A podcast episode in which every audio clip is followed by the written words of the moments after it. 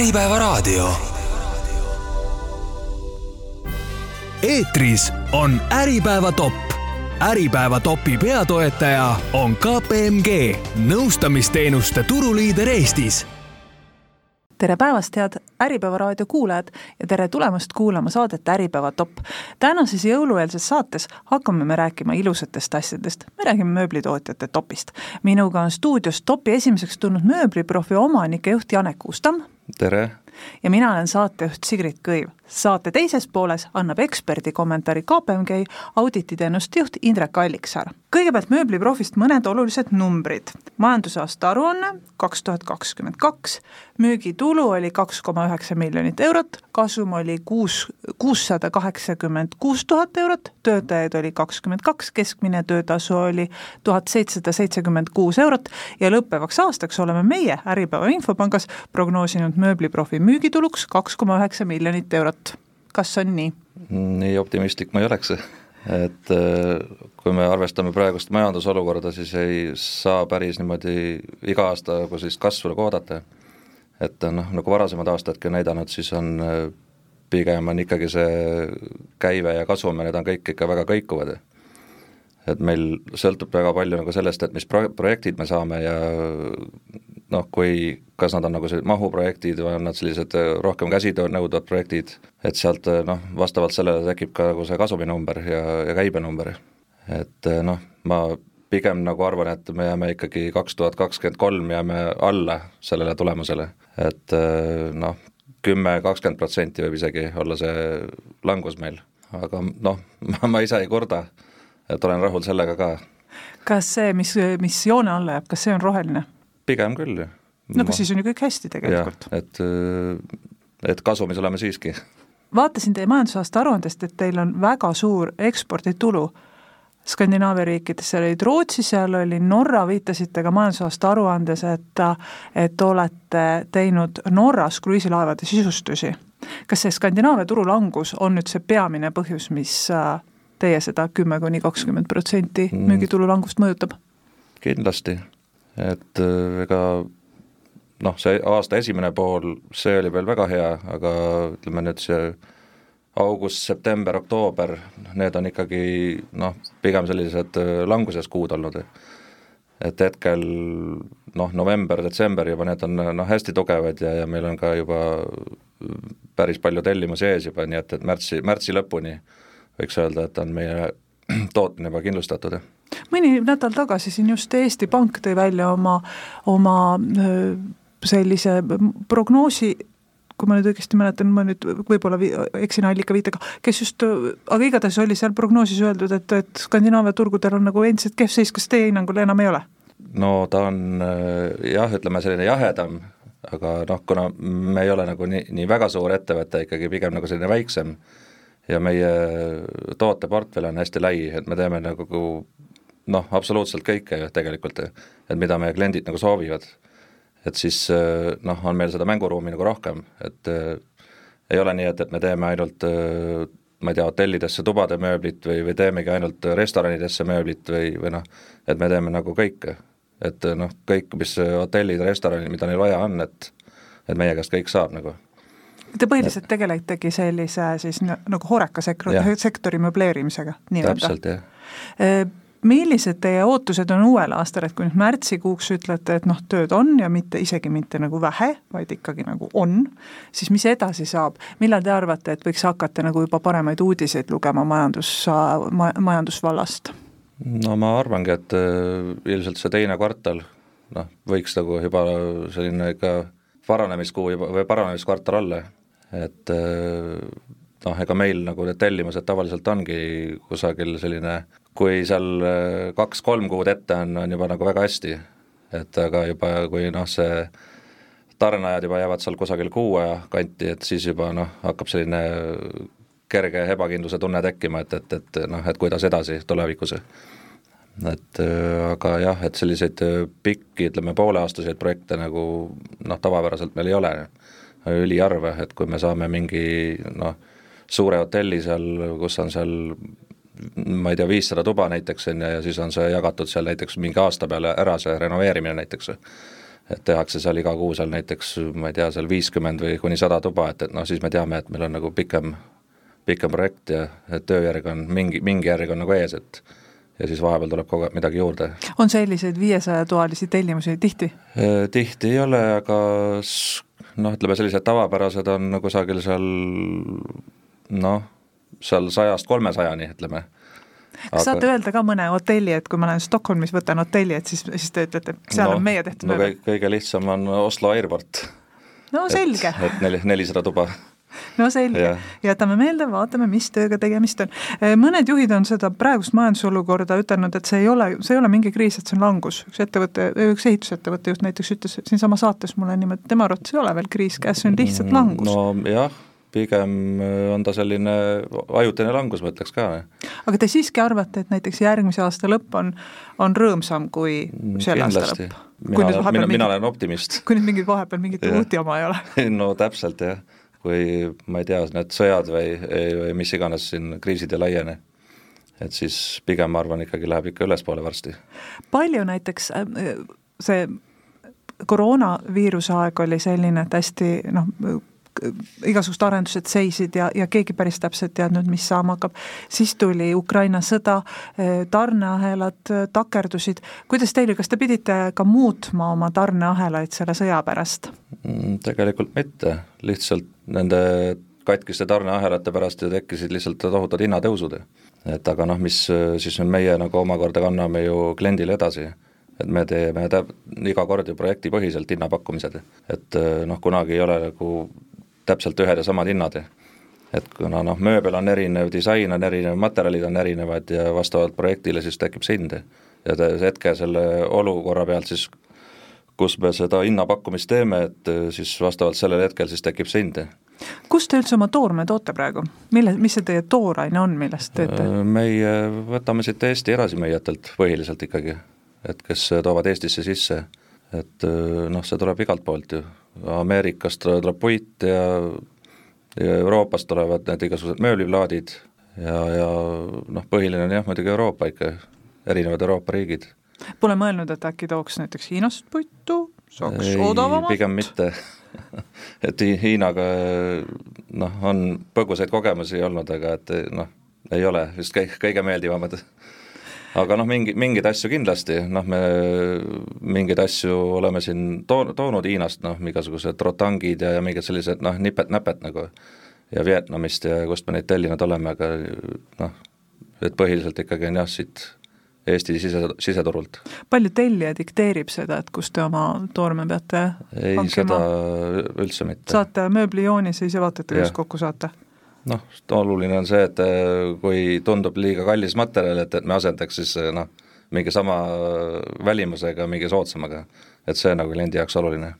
kas see Skandinaavia horeka sektoris on ka praegu tunda, et hoitakse näiteks investeeringutega tagasi või ei raatsita teha mingeid no, asju? näiteks kas või nende Norra kruiisilaevadega, et, et meil oli siin suve lõpus oli üks järgmine pakkumine oli tehtud, aga pidi otsus tulema septembris, aga ma ei tea, mingitel asjaoludel siis see lükati nagu edasi ja noh, ilmselt see siis majandusolukord või, või mis iganes seal siis on, et et äh, plaanitakse siis seda otsust nüüd teha siis aasta alguses.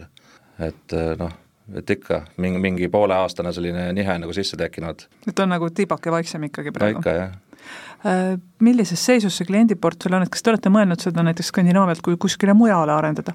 Saksamaa on suur, seal on kindlasti palju hotelle.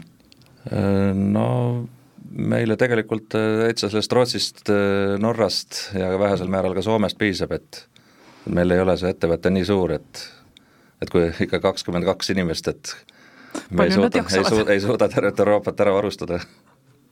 No ma pigem pidasin silmas, et võib-olla, et kui see kliendi, kui, kui kliendiportfell on kõik Skandinaavias, mis on noh, mille sellist äh, volatiilsust me oleme ju tegelikult varemgi kogenud, paar aastat tagasi oli ka nagu jah, aga need on sellised ajutised augud, et ega noh, see ei ole esimene kord ju, kõige suurem selline, kuidas öelda, seisak või või madalseis oli ju selle koroonakriisiga ju.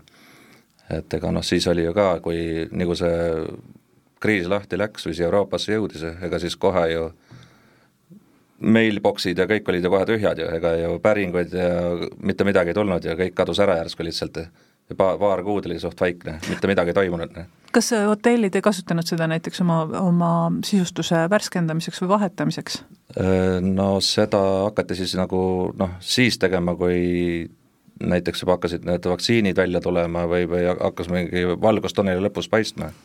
Et siis, siis nagu hakati uuesti nagu jälle noh, võeti ühendust ja, ja seda ja teist ja kolmandat teha et noh, isegi kui seda turisti ei liikunud veel, aga siis noh, osadel hotellikettidel raha oli veel ja nemad siis ikkagi noh, investeerisid ja tegid. ja siis oligi, kui noh, elu lahti läks jälle, siis nendel olid jälle asjad tehtud ja et, et noh, oligi hea madalhooajal nagu ära renoveerida ja uuendada ütlesite just tööstusuudistele antud kommentaaris, et, et tegite koroona ajal Äh, suuri investeeringuid tootmisseadmetesse, mil-, kas, kas te, kas te nüüd ütlete, et noh, need investeeringud on ära tehtud, nüüd tuleb neid nii-öelda nagu tasa teenida, kasumisse panna, või te, te plaanite edasi teha veel investeeringuid, et minu küsimus on selles, et kui palju on veel ruumi näiteks teie ettevõttes seda tootmist äh, automatiseerida, digitaliseerida, standardiseerida, et saaks rohkem ja vähemate inimestega? No nendes äh, ruumides, kus me praegu toimetame, et ega seal nagu väga rohkem midagi investeerida pole, et meil on absoluutselt kõik olemas. Et mitte noh, ma jah, ütlesin, et me tegime suuri, kõige suuremad investeeringud olid nagu täpselt seal selle noh, koroona ajal. Ja noh, meil on kõik investeeringud on millegipärast sattunud sellistele nagu madalperioodidele, et me oleme nagu teinud äh, projektid, kirjutanud ja noh, oleme palju toetusi saanud, et ega noh, ainult omavahenditest äh, selliseid investeeringuid olekski nagu raske teha. et siin noh, viimase kümne aastaga me oleme sinna enda väikesesse tootmisesse kaks pool miljonit investeerinud. et, et see on nagu me, meie kohta ikkagi noh, ikka päris suur summa. kui palju see, et need omavahendid on, kui palju see nagu toetustest tuleb? Äh, kusagil toetusosa on seal noh, olenevalt mis toetusmeede on, aga kusagil seal noh, kolmkümmend, nelikümmend protsenti on toetuspool ja need ja, on ennast tegelikult nagu ära, ära no, tasunud? täpselt, et noh, tagantjärgi mõeldes on äh, alati iga kord, kui on mingi investeering ära tehtud, et siis jälle noh, kui tulevad, tulevad suured tellimused peale, siis noh, mõtleme, et aga kui neid poleks olnud, et kuidas me oleks need ära teinud nagu, et siis noh, et alati ma olen äh, mõelnud niimoodi, et, et ei tohi nagu kunagi karta nagu selliseid investeerimisi ja et, et äkki noh, ei tule tööd peale või ei tasu ära või et, et äkki see masin jääb seisma või et et elu on nagu näidanud, et kui sa, kui sul on need asjad olemas, siis sinna see töö tuleb ja noh, kõik saab väga hästi korda, et, et midagi nagu kuskil aia taha ei lähe. kui me vaatame nüüd sellist noh, ikkagi ma arvan, et üsna hästi äh, automatiseeritavat tööd nagu hotellitubade sisustuse tootmine, mis see siis on, väike ruumike, voodi, kapp, noh, viissada tükki kõik ühesugust, kakssada tükki kõik ühesugused.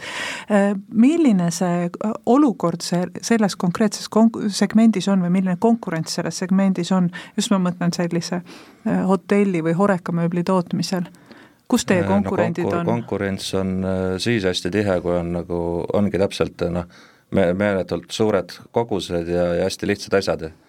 et siis äh, selliseid asju oskab igaüks teha, noh.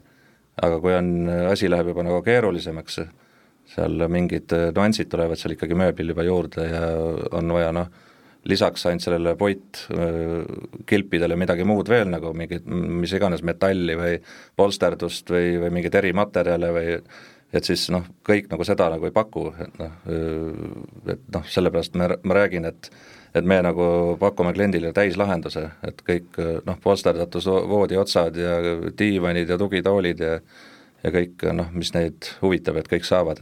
et odava töö tegijaid on tegelikult nagu Euroopas palju? no muidugi, et noh, nendega on nagu raske võistelda aga noh, meie see nišš ongi see, et, et me teeme noh, midagi erilist. mis on see kõige-kõige erilisem mööblitükk, mida te ütlete, et te olete teinud oma tehases? Nagu tõesti, nagu kõige no,, praktiliselt kunst? no see oli Oslo üks äh, hotell Kristjania teater ja Reception Lett, mis oli, äh, nägi selline nagu rohel-, roheline selline teemant või, või kuidas öelda, või selline väga selline erilise kujuga, mis äh, oli ikka noh, päris palju mõtleb vist ikka, kuidas see asi valmis teha.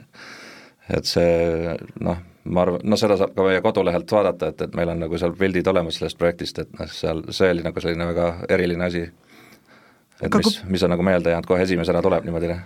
kui tihti on selliseid töid tuleb ette, et vaatad seda joonist ja mõtled, vau? Mm, no ütleme, viimasel ajal enam nii tihti ei tule, aga siin noh, mõned aastad tagasi oli selliseid eri, erilahendusi oli nagu rohkem, et äh, ma ei tea, kas klientidel oli rohkem raha või et või noh, lubati disaineritel nagu fantaseerida, et mis nagu pähe tuleb, et, et ja kõik läks loosi, aga noh, nüüd loetakse raha palju rohkem. et nüüd, nüüd on kokkuhoidlikud ajad ja lihtsalt soovid no,? nojah, on kõvasti lihtsam kohe, jah mis, mis teie hinnangul seda edukat mööblitootjat, tootjat praegu võiks iseloomustada, et mis on see, et kui te vaatate teisi mööblitootjaid, siis te ütlete, et see on edukas, see ei ole, et noh, mis see iseloomulik tunnus võiks olla? ma arvan, et peab olema selline hea visiooniga, et see on nagu kõige olulisem. Ja tahe nagu asju ära teha, et noh, ja jul-, julgema teha, et äh, ongi, nagu ma ütlesin, investeeringud, äh, visioon, meeskonna paikapanemine, et oleks head töötajad.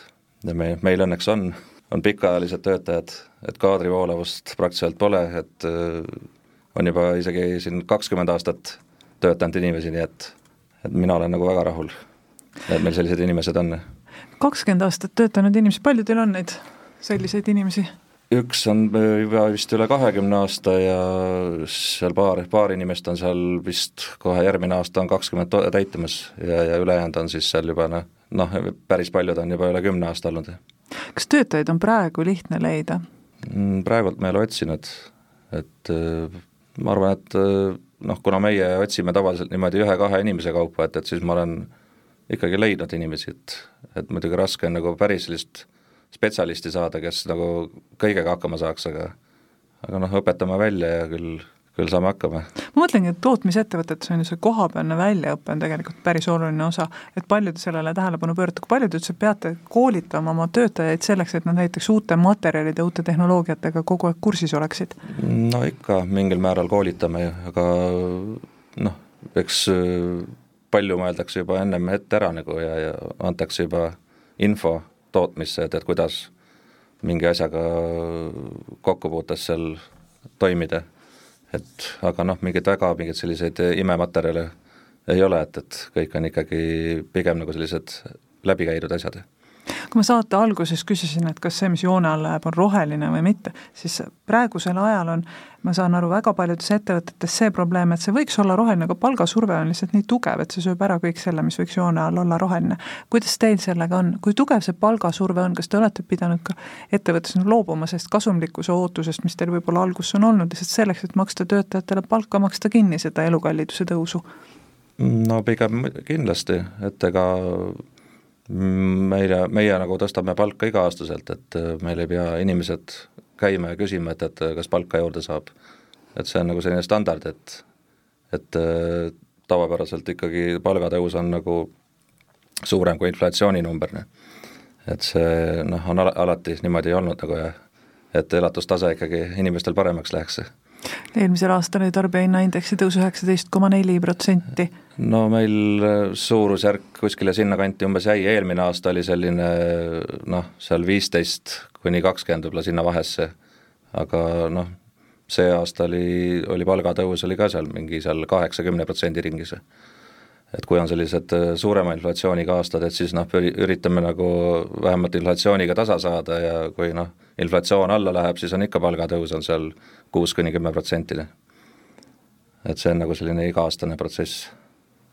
ja see ei tee iseenesest ettevõtte hakkamasaamist keerulisemaks? see lõpuks läheb ju lõpptarbija hinda? noh, mingil määral ta läheb, aga eks ma räägin, et sellepärast ka on äh, see tootmisse investeerimine nagu ülioluline, et me saaks nagu noh, rohkem, kiiremini suurt mahtu nagu läbi teha et kui sellised äh, projektid tulevad meile, ega meil ei ole niimoodi, et need masinad, äh, kõik need äh, hommikust õhtuni kaheksa tundi päevas huugavad seal, et, et meil on täpselt, et noh, meil peab olema see valmidus ja võimekus, kui tuleb see viissada hotellituba, et me suudame seda teha nagu, et me ei peaks seda ära ütlema. et noh, et mõni, mõnikord võib-olla mingi kallis masin meil võib-olla seisab kaks päeva isegi, noh, ei teegi mitte midagi aga noh, see ei ole nagu oluline, et las ta siis seisab, kestabki kauem. Noh. jälgite kindlasti ka mööbliturul üldiselt toimuvat, et et kuidas te näete, äh, mis, millega konkurendid tegelevad, et juba mainisite, et lihtsaid tootjaid on nagu palju, äh, noh, ma tean, et näiteks masinametallitööstuses äh, Poola on üks päris oluline konkurent, kuidas teie suhted poolakatega on? no me ise nagu ei tea ju täpselt, kes meie konkurendid seal on, aga noh, me ikkagi klientidelt vahel seda tagasisidet saame, et et kas siis on Lätist, Leedust või Poolast või noh, ega noh, põhiliselt need riigid meil on sinna, kes siis on Skandinaaviale kõige lähemad, et noh, eks me nendega peame konkureerima siis, aga noh, nagu ma ütlesin, et meil on nagu oma selline nišš välja kujunenud juba, mida me teeme ja omad kindlad koostööpartnerid, et noh, see kliendibaas on meil siin aastatega kogu aeg laienenud ja ja kui üks, üks-kaks klienti tellisin mitu kuud midagi või ei küsi midagi, siis kolmas, neljas, viies või noh, keegi ikka midagi tellib, et, et, et meil päris niimoodi ei ole, et, et noh, et, et niimoodi, et, et mitte keegi mitte midagi ei tee nagu, et noh, mingeid asju ikka toimub ja tellimusi tuleb, et et ma nagu noh, üldse asju mustades toonides ei näe. enne just ütlesite, et äh, see, need ruumid, mis teil praegu on, et noh, põhimõtteliselt need on masinaid täis, et noh, ei ole siin enam väga palju midagi juurde osta. kas te laienemise peale ei ole mõtelnud, ehitaks tehase suuremaks, saaks rohkem toota? kas see Saksamaa turg? ei ole, et ma olen sellega praegult äh, rahul, mis on, et äh, selle saavutusega. Et see, see tase, kus me oleme nagu, et see on nagu selline noh, minu jaoks on nagu selline paras tegelikult, et ma nagu hetkel nagu ei mõtle sellele, et, et ma tahaks nüüd hirmsasti laieneda, aga noh, mine tea, mis kahe-kolme aasta pärast on, aga praegult ma olen selles hetkes, mis meil hetkel on ja, ja meil kõik ilusti toimib nagu õlitatud masinavärk. jaetarbija peale ei ole mõelnud? ei ole, et äh, me sellepärast ei taha Eestisse ka väga teha, et äh, kui meil on neid äh, üksikuid kliente siin, oleme vahele võtnud vahel nagu, kes on noh, nii väga ikka noh, kunagi kas varem tellinud midagi ja teavad meie kvaliteeti kõike ja aga noh, ei taha nagu selle erakliendiga tegeleda. et see on teatud klientide, kliendid sellised, et et meil ei ole, ütleme seal Skandinaavias ei ole kümne aasta jooksul ka mingeid kok-, terve selle perioodi jooksul selliseid probleeme, mis võib ühe väikse õige kliendiga olla nagu, et ming-, mingitel põhjustel mingid jube suured rahulolematused, et ma, et ma ei taha seda ma pigem see... pidasin silmas, et noh, Skandinaavias siin on juttu olnud juba mitu puhku, IKEA, olete käinud IKEA-s? jah, me siin, ma tean küll, et IKEA tooteid, aga ei, see meile ei sobi. Noh. et ma mõtlesin, et ei ole mõelnud mingi sellise tootmise ei, peale? ei ole, et see hinnaklass on hoopis teine, et see, kust meie oma raha teenime, et, et see on ikka hoopis teine valdkond. Aga meie läheme siit väikesele pausile ja tere tulemast tagasi kuulama saadet Äripäeva top, täna räägime mööblitööstuse topist ja minuga on topi esimeseks tulnud mööbliprofi omanik ja juht Janek Kuustam, mina olen saatejuht Sigrid Kõiv. räägime jätkusuutlikkusest, kui palju te mööblit ümber töötate, kas niisugust asja nagu mööbli ümbertegemine üldse toimub nagu väikeseeriate puhul või ei toimu? meie sellega ei tegele. kas keegi tegeleb? no võib-olla, aga ma ei ole sellega kursis ausalt öelda. meil äh, on kunagi üks hinnapäring oli, et äh, ka ühel hotellil, et äh, oli ette nähtud, et, et see olemasolev mööbel tuleb noh, taastada või kuidas öelda värskendada? jah, noh, üle lihvida ja, või siis peitsida või lakkida, mis iganes seal, et ja siis see, see pe-, pehmemööbli karkassid, et kõik tuleb noh, nagu alles jätta ja siis lihtsalt see porolon ja katteriie siis vahetada et kunagi selline päring meil oli siin jah, mingi paar aastat tagasi, aga sellest nagu midagi asja ei saanud, et et rohkem ma sellest ümber töödeldud mööblist ei tea mitte midagi, noh. aga kui inimesed muutuvad ja ettevõtjad muutuvad järjest kokkuhoidlikumaks, siis ju ühel hetkel võiks olla see teema, et palun, siin on meie sada kappi, pange teine värv peale ja no asi on selles, et seda ei saa ju seal kohapeal teha ju. see, siis tuleb see mööbel ju noh, tuleb võtta paigaldajad, kes selle mööbli sealt lahti võtavad, auto peale panevad transpordivad äh, meie juurde, siis meie sellega midagi siis teeme, eks ole, seal lihvime, värvime, mis iganes vaja teha on, on ju, paneme jälle auto peale ja tagasi, et, et lihtsalt ja kokkuhoidlikkus juba läkski, eks ju. see ongi läinud, et tegelikult lõpptulemus on tegelikult kallim hind, et noh, palju lihtsam on teha, et, et sul tuleb äh, rekaga tuleb materjal kohale, suured plaadihunnikud, eks ole, võtad, hakkad, lõikad lahti, kandid ära, puurid ära, on ju, noh, see, see töö on ju palju lihtsam, noh kui palju sellist, ma mõtlen, et kui rekkaga tuleb, eks ju, materjal kohale, palju sellist vana mööbli kasutust või taaskasutust Horeca sektoris üldse on või seda tegelikult suuresti ei tehta, see läheb no, no ma ei kujuta ette pigem nagu mitte, see on vast rohkem ikka kodude teema, et eraisikud kodus tegelevad selliste asjadega. et teevadki ise, ise lihvivad ja ise siis värvivad ja ma tean, ma olen teinud.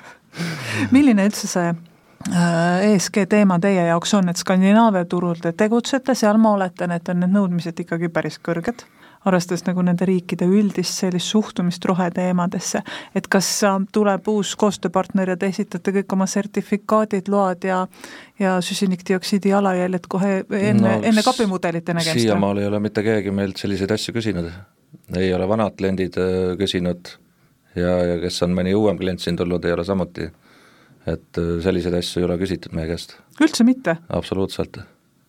ühtegi sertifikaati pole kellelgi vaja. aga teil mõni ikka on jah, ain-, ainuke asi, kui la-, laevadele ütleme noh, ütleb jah, selle tulekindlused ja kõik need asjad, aga muid, muidu nagu ei noh, meil on kõik nii usalduse peal, et, et me ei tee, tee tööd isegi mitte lepingutega, meil on lihtsalt äh, kliendid küsivad meilt pakkumise, teeme pakkumise, kui neile sobib, saadab meili peale vastu, et see on tellimus, pange töösse ja sellel tähtajal tahab kätte saada ja ongi kõik. ja ei ole mingeid ettemakse ega mitte midagi ja kõik toimib. ma tõtt-öelda oleksin arvanud, et see ESG surve just teile on suhteliselt tugevam kui, kui võib-olla mõnes muus sektoris. praegusel hetkel küll mitte, et aga olete ise mõelnud selle peale, et äkki peaks hakkama ennast selleks valmistama? Ei ole kusjuures mõelnud, et vaatame, mis see elu toob, et siis vaatame. mina olen muidugi olnud hotellitubades suhteliselt palju, meil on selline, selline reisimise viis, et me sõidame ringi ja ööbime hotellides suvel puhkuse ajal ja ma olen tähele pannud, et hotellimööblis on oma, omad selged moetrendid täiesti näha.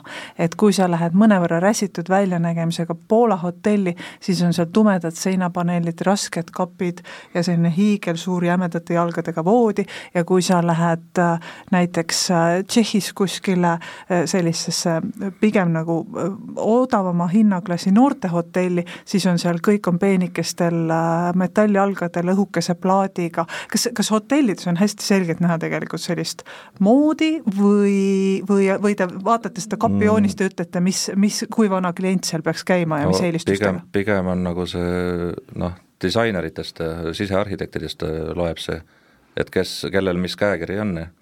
et kui noh, meil on ju hotellid kuhu, kuhu me oleme teinud ju hästi selliseid, äh, kuidas öelda, äh, noh, massiivpuidust äh, tooteid, on nagu mit-, mitu hotelli järjest oli ja mida tegi siis üks disainibüroo, aga samas tein-, teine büroo teeb jälle noh, selliseid hästi lihtsaid, siledaid ja täpselt nende metallraamide ja metalljalgadega ja selliseid noh, minimalistlikke stiile. Ja teine teeb selliseid jälle klassikalisi nagu, et noh, kuidas kellelgi nagu see käekiri on, et ega noh, eks, eks igaüks näeb ise ära ju, et noh, mis inimesele see mõeldud on, et, et kas kooliõpilasele või või äriinimesele või, või, või pereinimesele või et, et kelle peale nagu mõeldud on, eks noh, igaüks tunnetab siis seda. et Horeca mööblis ei ole tajutav mingid sellised jooned, et, et näete, et hakkavad tulema äh, pruunist naha imitatsioonist pehmed toolid ja teate, et varsti tuleb neid nagu igaüks küsib neid. et seal ei ole näha sellist selget moetrendi? no nii ja naa, noh, pigem minimaalselt, et kogu aeg on kõik muutuv et mingit sellist, et nüüd üks aasta nüüd on midagi sellist nüüd tehtud ja et, et nüüd hakkab see nagu minema ilmselt, et noh, et seda ma ei tea, et oleks, et pigem on nagu ikkagi meie, meil on nagu kõik projektid erinevad, et väga sellist ühtset stiili ei ole. et teie ei oota neid äh, aastavärve, mida ei. antakse välja? kindlasti mitte. ja see ei mõjuta teid ka kuidagi? mis teie, mis teie tootmist üldse kõige rohkem mõjutab? klient, hind, kiirus? No ma arvan, et kõik need asjad, et on, need kõik on olulised, et oleks, oleks klient, kes siis tellib, eks ole, sa pead kiirelt suutma siis toota, noh võimalikult kiirelt, ei ole aega seal igasuguste toodetega seal kolm kuud oodata, et vahel on niimoodi, et on vaja juba samal nädalal midagi välja saata, mingi, mingi kiire asi, et, et noh, me peame ikkagi jah, nagu reageerima kiiresti.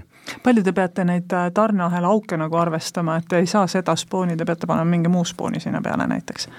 no vahel ikka tuleb ette, aga põhiliselt on niimoodi, et me ikkagi üritame noh, enne kui me midagi reaalselt nagu tootma hakkame või päris lõplikult lukus on midagi, et noh, ennem ikkagi välja uurida, et, et noh, et seda materjali ikkagi saame õigel ajal ja et see, kui on näha, et, et see materjal ikkagi hilineb väga pikalt, et siis pakume mingi teise lahenduse, et noh, klient ikkagi õigel ajal oma asjad kätte saaks. Kas, kas teid ka mõjutas see, et siin vahepeal, kui olid tarneahelates olid päris suured augud, siis ju ettevõtted, tootmisettevõtted hakkasid toormega oma laovarusid nii tugevalt täiendama, et ühel hetkel oli raha kõik toorme all kinni ja ja toore ise läks vahepeal jälle turul odavamaks, kas te olite ka samas ei, olukorras? ei olnud, et me nagu nii tohutut laoseisu ei hoia. Et ikkagi noh, on jah, mida me teame, et, et mida meil stabiilselt kogu aeg läheb, et, et noh, ikka mingid noh, varud on, aga aga mingeid selliseid äh, tohutuid varusid, et äh, meil oleks nüüd mingi aasta aega ette seal midagi, et noh, selliseid varusid meil ei ole. et äh, pigem on noh, sellised jooksvad asjad on varus meil, mis igal juhul nagu kasutust leiavad Öeldakse, et äh, noh, kriis on niisugune õppimiskoht ja, või see langus on õppimiskoht, et et see keeruline aeg, mis te siin ütlesite, et mõned kuud tagasi oli ikka üsna-üsna vaikne, äh, juhina, mis te ütlete, et te nagu õppisite sellest järgmiseks korraks mm,? Noh, mul on need õppetunnid on juba varasematest kordadest. nii, nii, aga kaks, mis need on olnud? nii kaks tuhat seitse, kaheksa, üheksa, kui need majanduskriisi aastad siin olid mm -hmm. ja, ja see Covidi aeg ja ja nüüd noh, ütleme, see praegune jätk, see kriis või, või majandus, majanduse jahtumine, et see on nagu pigem nagu kõige leebem hetkel. et need varasemad kriisid, noh, meie ettevõtte jaoks on nagu kõige, kõige raskemad olnud. noh, ütleme just see kaks tuhat seitse-kaheksa, see, see oli nagu selline pöördepunkt, kust noh, me üldse enda jalad nagu alla saime lõpuks nagu selle välisturu leidmisega. et, et siis noh, see ongi see, et tollel hetkel ju me keegi ei teadnud, et äh, võib halvasti ka minna nagu, et, et siis tunduski, et, et, et kõik läheb, läheb ainult ülesse ja ja ainult pidu käib, aga noh, see oligi see, et, et õpetas, et et tuleb nagu mõistlikult majandada, et peab äh, puhvrid ka olema, et äh, millega siis need mis iganes siis kaks-kolm või kuud või pool aastat üle elada, et, et oleks ikkagi palgafond arve peal olemas, et saad inimesi hoida ja mitte nagu häid töötajaid minema saata, et et Ku, kuida-, kuidas see finantskriis teie jaoks lõppes?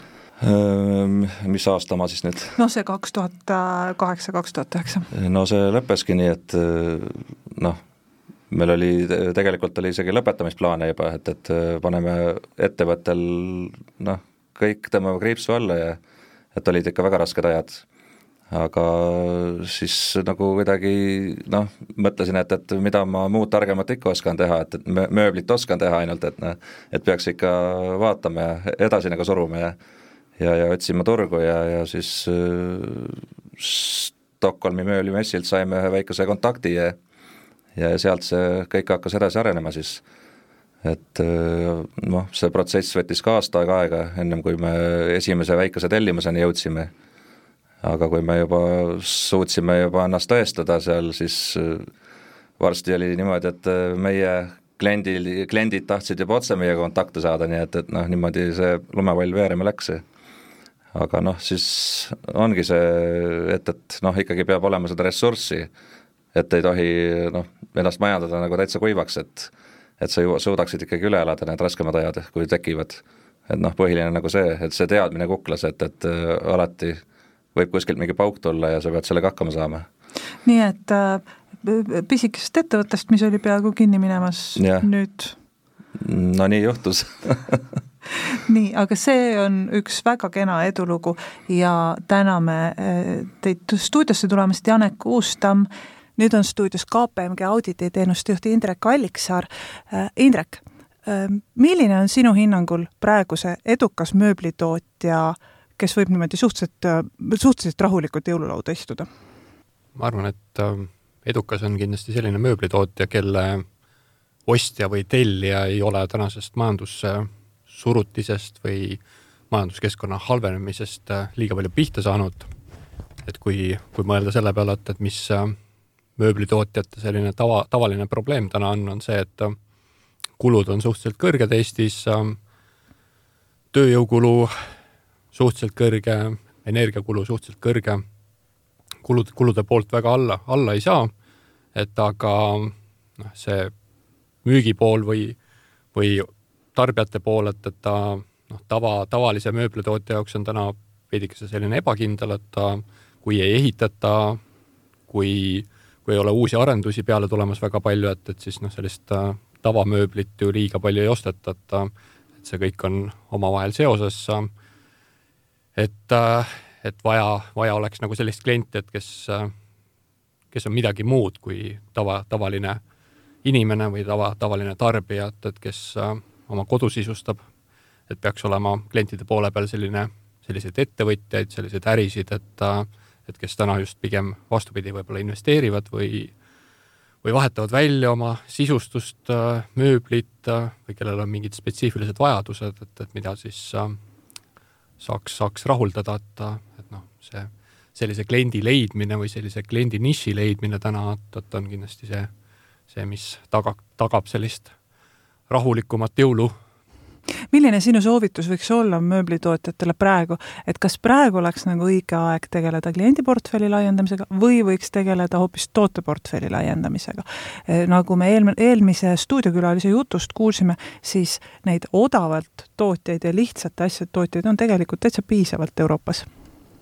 nojah, et, et üks äh, kuidagi müügi, müügi poole pealt on meelde jäänud, et ta või noh, et kuidas, kuidas midagi maha müüa, et, et pigem oleks vaja kõigepealt see, see ostja leida ikkagi, et eriti tänases sellises võib-olla ebakindlas olukorras ise kuidagi välja mõelda, et et mida nüüd toota või hakata mingeid tooteid arendama ilma selleta, et, et seal oleks selge selline nõudlus taga, et noh, tundub liiga, liiga riskantne, et nagu elevandi müümisel, et, et seal pigem, pigem oleks vaja ostja, ostja leida, et, et ja siis küll selle elevandiga leiab kusagilt, et et aga jah, see, see laiem pilt on kindlasti selline, et, et sellised, kui Eest, Eestis kunagi mööblitööstus väga paljuski tugines allhankel, et, et mingite lihtsamate asjade tegemine Eestis madalamate kuludega, et, et siis noh, see, see täna ei tööta lihtsalt, et see, kui kõrval on tootja näiteks Poolast, kes teeb, teeb suuremat massi, palgakulu on väiksem, siis noh, sellega on väga-väga keeruline konkureerida lihtsalt, et, et tuleb, tuleb välja mõelda mingisuguseid teistsuguseid asju, et, et leida need teistsugused kliendid kui palju peaks olema äh, mööblitootjatel seda investeerimisvalmidust praegu ja millesse? no see on, see on keeruline küsimus, et äh, noh, üks asi on kindlasti, et, et mingeid äh, nišitooteid teha, et, et seal ma arvan, et, et äh, töötajad kindlasti peavad olema valmis äh, disainima neid tooteid, noh, seal on, seal on vaja mingit di disainioskust, noh, see on üks, üks pool, et, et sul on sellised töötajad, et kes, kes on, suudavad teha erinevaid asju, suudavad välja mõelda erinevaid lahendusi. Tehniline pool, et, et mis, mis tööpingid ja noh, seal ma jään vastuse võlgu, et, et ma arvan, et, et ilmselt võib-olla lahe, lahendus jah, täna, täna ei päästa suured laserid, et mis nagu aitaksid teha tohutult mingit mass, masstoodangut, et et pigem mingid, mingid sellised tehnilised lahendused, et et millega on võimalik võib-olla jah, seda tööjõukulu poolt vähendada, kuidas, kuidas oma tuleb, tuleks kindlasti mõelda, et, et kuidas oma tootmine ja tegevus võimalikult digitaalseks ajada, et et tööjõukulud alla, allapoole saada, et noh, see on Eestis nagu paratamatult selline aina ülespoole liikuv kulu. jälgides nagu pidevalt maailmaturul toimuvat, kas mööblitootjad peavad ka valmis olema mingisugusteks sellisteks ootamatusteks, nagu näiteks eelmisel talvel olid energiakulude kasv või äh, puidusektori mingisugused kõikumised ma arvan, et, et seal on ootamatusi võib-olla ka noh, nii negatiivsed kui positiivsed, et ta, et positiivse poole pealt, et võib-olla just see, et et Euroopa või Lääne-Euroopa ostja selliseid väiksemaid partiisid tahab osta ja vaatab, vaatab nende tootmise osas siin noh, lähemale, et, et võrreldes võib-olla varasemate aastatega, et, et kus äh, mõeldigi, eeskätt mõeldi selle peale, et, et kuidas nagu Aasia pool või väga, väga odavates riikides kusagil kaugemal midagi toota, et et minu arust noh, see on üks, üks mõnes mõttes, mõnes mõttes ootamatus või uus asi, et, et neid äh, tootmisi, tootjaid vaadatakse endale lähemalt, et, et võib-olla ei vaadata alati, et ta oleks nüüd see kõige odavam, vaid et ta, et ta oleks usaldusväärne, kvaliteetne, tema peale saaks kindel olla, et, et noh, see on võib-olla selline posi-, positiivne ootamatus täna. Mis on need üldised trendid, mis sellist tootvat äh, tööstust praegu või töötlevat tööstust praegu äh, kõige, noh, kõige halvemas mõttes mõjutavad? noh, mööblit tootmise poole pealt, et see energiakulu ei ole võib-olla seal nii suur kui mõnes, mõnes teises tootmises, tootmises, et aga ikkagi, et, et selline Eesti võib-olla Eestile omapärane ebakindlus, et, et kus tihti valitsus ikka, ikkagi ütleb, et noh, mingid energia hind ja muutuvad maksud ja mis iganes asjad kõik muutuvad, et kuna valitsus ütles, et, et siis see on ettevõtja probleem, ettevõtja peab sellega hakkama saama, et et ta on võib-olla, võib-olla veidi, veidi raske või, või keeruline siin Eesti oludes, et, et mis nagu ei aita Eesti, Eesti, Eesti ettevõtjat, et ta noh, mulle tundub, et ta, et seal et-, ettevõtja suunas võiks ikkagi pakkuda rohkem mingit äh, stabiilsust, et ta noh, kas või no see käibemaksu tõus, et noh, selli-, sellisel asjal peaks olema kuidagi nagu rohkem etteteatamise aega või ei saa niimoodi, et riigi rahakott saab tühjaks ja siis äh, anname teada, et, et te peate käibemaksumäära muutma niivõrd lühikese aja jooksul, et, et see, noh, see tundub nagu ebaproportsionaalne vastutuse lükkamine ettevõtja õlgadele. see tõesti meenutab natukene kuninga maksukogujate saabumist. aga täname selle kommentaari eest, te kuulasite saadet Äripäeva top, mina olen saatejuht Sigrid Kõiv, saate esimeses pooles oli meiega mööbliprofi omanik ja juht Janek Uustam ja eksperdi andis KPMG audititeenuste juht Indrek Alliksaar. nüüd läheb Äripäeva topi saade väiksele jõuluvaheajale ja me kuuleme juba uuel aastal eetris on Äripäeva top. äripäeva topi peatoetaja on KPMG, nõustamisteenuste turuliider Eestis. äripäeva raadio